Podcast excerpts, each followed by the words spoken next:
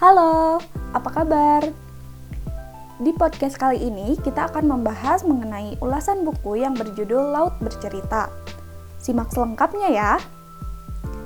Kita mulai dari identitas buku. Buku ini berjudul Laut Bercerita. Dengan penulis Laila S. Hudori. Kemudian jumlah halaman yaitu 379 halaman. Dan tahun terbit tahun 2017 serta genrenya adalah fiksi sejarah atau historical fiction. Nah, sekarang kita lanjutkan ke ringkasan buku ini. Buku ini menceritakan tentang mahasiswa bernama Biru Laut disergap empat lelaki tak dikenal di sebuah rumah susun di Jakarta. Bersama kawan-kawannya, Daniel Tumbuan, Sunu Diantoro, Alex Prazon, dia dibawa ke sebuah tempat yang tak dikenal. Berbulan-bulan mereka disekap, diinterogasi, dipukul, ditendang, digantung, dan disetrum agar bersedia menjawab satu pertanyaan penting. Siapakah yang berdiri di balik gerakan aktivis dan mahasiswa saat itu? Keluarga Arya Wibisono, seperti biasa, pada hari Minggu sore memasak bersama, menyediakan makanan kesukaan biru laut ada kebiasaan yang selalu dilakukan oleh sang ayah. Ia akan meletakkan satu piring untuk dirinya, satu piring untuk sang ibu, satu piring untuk biru laut, dan satu piring lagi untuk si bungsu Asmara Jati. Mereka duduk menanti dan menanti, tetapi biru laut tak kunjung datang. Di tahun selanjutnya, Asmara Jati, adik biru laut, beserta tim Komisi Orang Hilang yang dipimpin oleh Aswin Pradana mencoba mencari jejak mereka yang hilang serta merekam dan mempelajari testimoni mereka yang kembali. Para anggota keluarga aktivis yang hilang menuntut kejelasan anggota keluarga mereka. Sementara biru laut dari dasar laut yang sunyi bercerita kepada kita, kepada dunia tentang apa yang terjadi pada dirinya dan kawan-kawannya.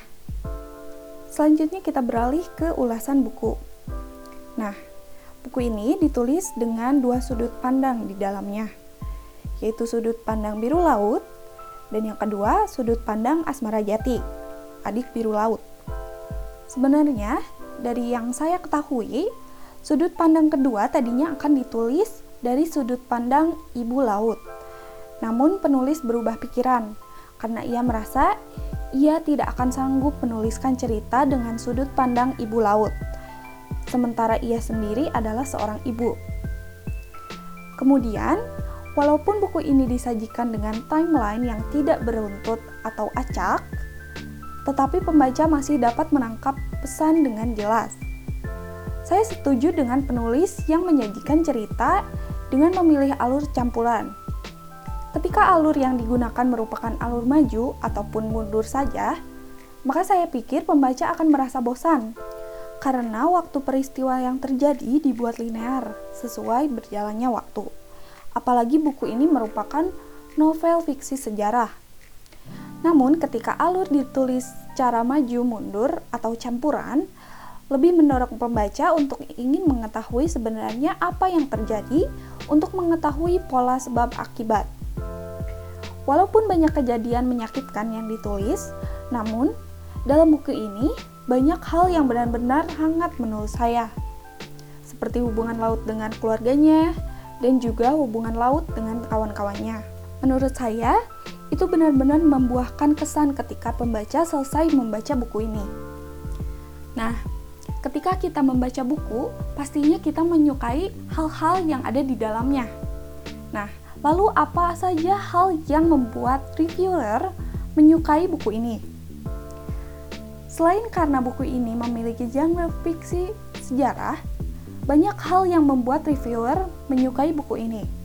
Selain juga gaya kepenulisannya, seperti yang telah dibahas sebelumnya, buku ini menyebutkan judul-judul buku bacaan yang dibaca oleh tokoh utama, yaitu Laut, sehingga mendorong pembaca khususnya reviewer, untuk berkeinginan membaca buku yang sama dengan buku bacaan laut tersebut.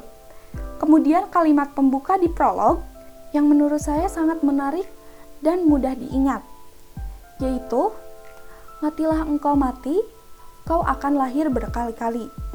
Menjadi kalimat yang benar-benar berkesan bagi pembaca. Kemudian, cara pendeskripsian peristiwa yang terjadi menurut saya cukup unik karena diceritakan laut yang bercerita tentang apa yang terjadi kepadanya saat keadaannya sudah tiada. Mungkin penceritaan ini agak mirip dengan buku Cantik Itu Luka.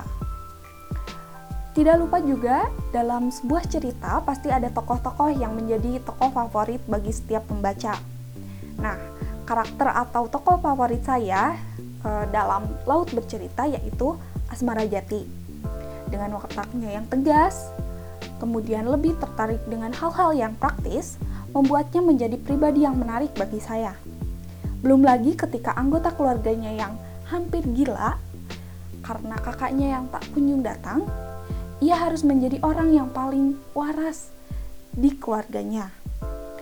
Dalam beberapa penceritaan, Asmara Jati memang benar-benar kuat menurut saya. Selain itu, tokoh favorit saya selanjutnya adalah Daniel. Pembawaannya yang cukup santai serta terkesan sebagai mood maker dalam cerita, sehingga saya tertarik dengan salah satu tokoh ini. Diceritakan pula ia merupakan tokoh yang paling sering mengomel dalam cerita, namun sampai suatu ketika dijelaskan mengapa watak Daniel seperti itu. Nah, dari hal inilah yang membuat saya semakin tertarik dengan tokoh Daniel.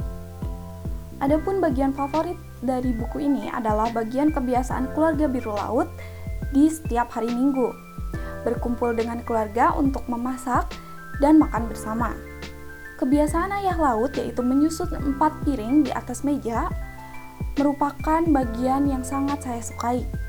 Sampai akhirnya menjadi bagian cerita yang paling sulit dilupakan. Maka dari itu, buku ini saya beri nilai 4,5 per 5. Dan saya sangat-sangat merekomendasikan novel Laut Bercerita kepada pendengar podcast ini. Sekian ulasan yang dapat saya berikan. Sampai jumpa di lain kesempatan. Terima kasih.